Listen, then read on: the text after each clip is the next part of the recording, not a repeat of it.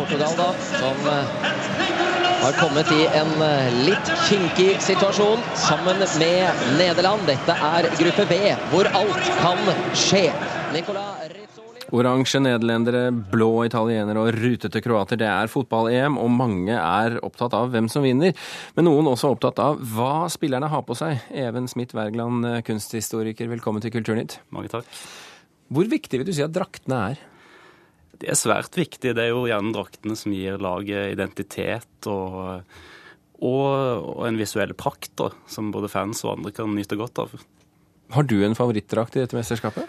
Jeg har jo tenkt litt på det. Jeg har vel ikke egentlig klart å lande på en favoritt, men jeg har to lag som vel har utmerka seg negativt, da, hvis jeg kan få lov til å trekke fram det.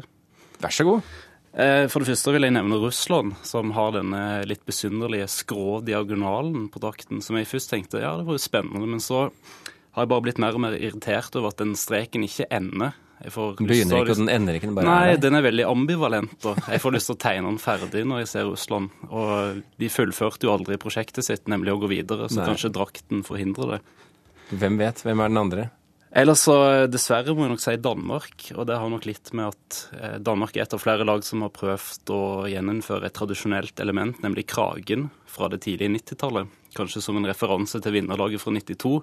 Det syns jeg fungerer svært dårlig. De burde heller holdt seg til den streite stilen fra 86-VM. Og Danmark kan heller ikke spille i eh, Umbro. De er nødt til å spille i hummeldrakt. De må det? Ja, det mener jeg definitivt. Absolutt. Ok. Vi eh, skal snakke mer med deg, eh, Even Smith Wergeland, men vi tar en eh, tur til Danmark først. For der er Eivind Orre, tidligere sportsjournalist, som nå skriver bloggen Draktbloggen.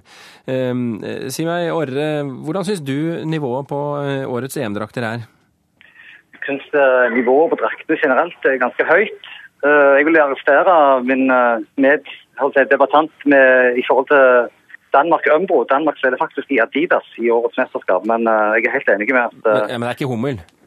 Nei, det er det ikke. Nei, Men, selvfølgelig. draktene, draktene til Danmark syns jeg er Jeg er helt enig med de kragene, og de ser faktisk òg veldig irriterende ut for spillerne. for De er så enormt svære og breie at de må jo være irriterende for spillerne når de springer litt rundt. At denne kragen da flapper opp i ansiktet. Det må jo være veldig forstyrrende, syns jeg. Og det er jeg er helt enig med at de, de prøver å lage en slags 92-vri på draktene. Det lykkes ikke med det hele. altså. Men i, i, i motsetning til eh, Wergeland, eh, så har du turt å, å fortelle folk i din blogg eh, hvilke som har, hvilket land som har det beste drakten. Ja, jeg har altså stukket hodet litt ut og, og rangert de fra 1 til 16. Og jeg har jo Frankrike på topp, da. Eh, den syns jeg er veldig fin. For det, er både at han har uh, mørkeblå og fin drakt, i tillegg til at han har de der marinierstripene. De der litt mørkeblå tverrstripene som òg gir det et veldig fransk touch, da. Men hva har, du, synes eh, hva har du lagt merke til hvis vi ser liksom på årets kolleksjon som sådan? Det, det, det går litt i retning at de, de aller fleste merkene begynner å mer og mer nærme seg Nike i forhold til at det skal være rent og fint og lite kruseduller og striper og tant og fjas. Det skal være rent og fint, og det syns jeg er en positiv utvikling. Eh, Wergeland, vi leser i dag at eh, Englands Wayne Rooney han må vite hva slags farge hans eget og motstanderens lag skal ha eh, på drakten senest kvelden før han går på banen. Fordi han må drømme om, eh, om kampen. Eh, Er det knyttet mye overtro til disse draktene? Ja, Det er det nok definitivt. Samtidig så tror jeg at eh, akkurat den visuelle dimensjonen er litt undervurdert i forhold til hvor mye det påvirker psykologisk. På, på hvilken måte da? Nei, at det er en, en, en, en del av den mentale opplæringen som går på farger og måten du Når du kommer inn på stadion, når du ser motstanderens farge osv., at det gir en form for frykt eller trygghet. Og hvis lag får den fargen de er vant til å spille i sjøl, så, så blir det en mindre faktor å bekymre seg for. Så tror du eh, i fullt alvor at, eh, at nederlenderne var misfornøyd med egen drakt og derav spilte dårlig? Ja, jeg er villig til å kjøpe den tolkningen. Jeg, eh, jeg syns jo at Nederland sin drakte fra 1988-EM med de svært eh, korte shortsene er, eh, er noe de heller burde satse på igjen, da. Er du enig i det, Åre? Ja, og jeg syns òg det der med farger altså England har jo nå plutselig kommet med mørkeblå reservedrakter. og de, synes jeg, de har de spilt i annet mot Sverige. og jeg synes jo det er helt feil, for England skal spille i røde reservedrakter. Punktum. Ja, Og- hvorfor skal de det? Nei, det, det har med tradisjon å gjøre. altså. Du, altså England, når England vant VM i 1966, så spilte de røde drakter. og Det er jo de, det mest berømte bildet fra engelsk fotball gjennom tidene er jo Bobby Moore når han hever VM-trofeet i rød drakt.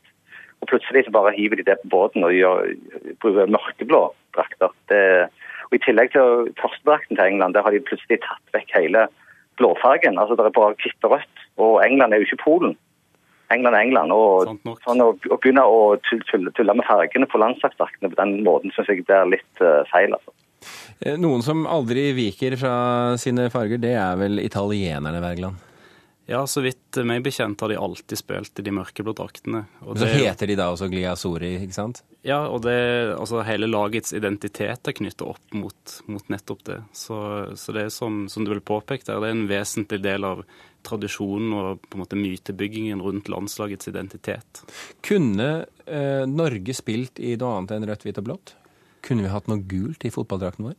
Det tror jeg ville blitt svært vanskelig for folk å forholde seg til. Altså, Norge har jo vridd litt om på draktdesign, men, men det er knyttet til flagget, og, og det skal representere nasjonen, så det tror jeg ville blitt djupt problematisk. Hva tror du ville skjedd, Åre, hvis eh, Norge hadde lagt inn eh, en gul stripe på drakta? Da hadde det blitt noe sånt alle det den gangen når de kom med denne her dragelogoen, så ble en drakt som aldri ble brukt fordi det var så store protester. Altså at de istedenfor flagget, så var det en dragelogo som et reklamebyrå hadde lagd. Den ble bare kasta på båten ganske fort. og det, det å begynne med andre farger enn rødt, hvitt blått i landslagsdrakten, det, det går rett og slett ikke. altså det... Det, og jeg syns faktisk Norge sine drakter ble lansert ganske nylig med den stripa nedover. så danner sånn at du får en slags flagg- flaggstripe nedover der. Den er ganske fin. altså. Den, er, den ga jeg selv en femmer av sekser på terningen. Så altså, hvis vi skal oppsummere for de av våre lyttere som trodde at det var tilfeldig og uinteressant hva, folk, eh, hva fotballspillerne spiller med av drakter, så kan vi nå summere opp med at det er det aldeles ikke. Even Smith Wergeland eh, og eh, Eivind Orre, tusen hjertelig takk for at dere kom til eh, Kulturnytt.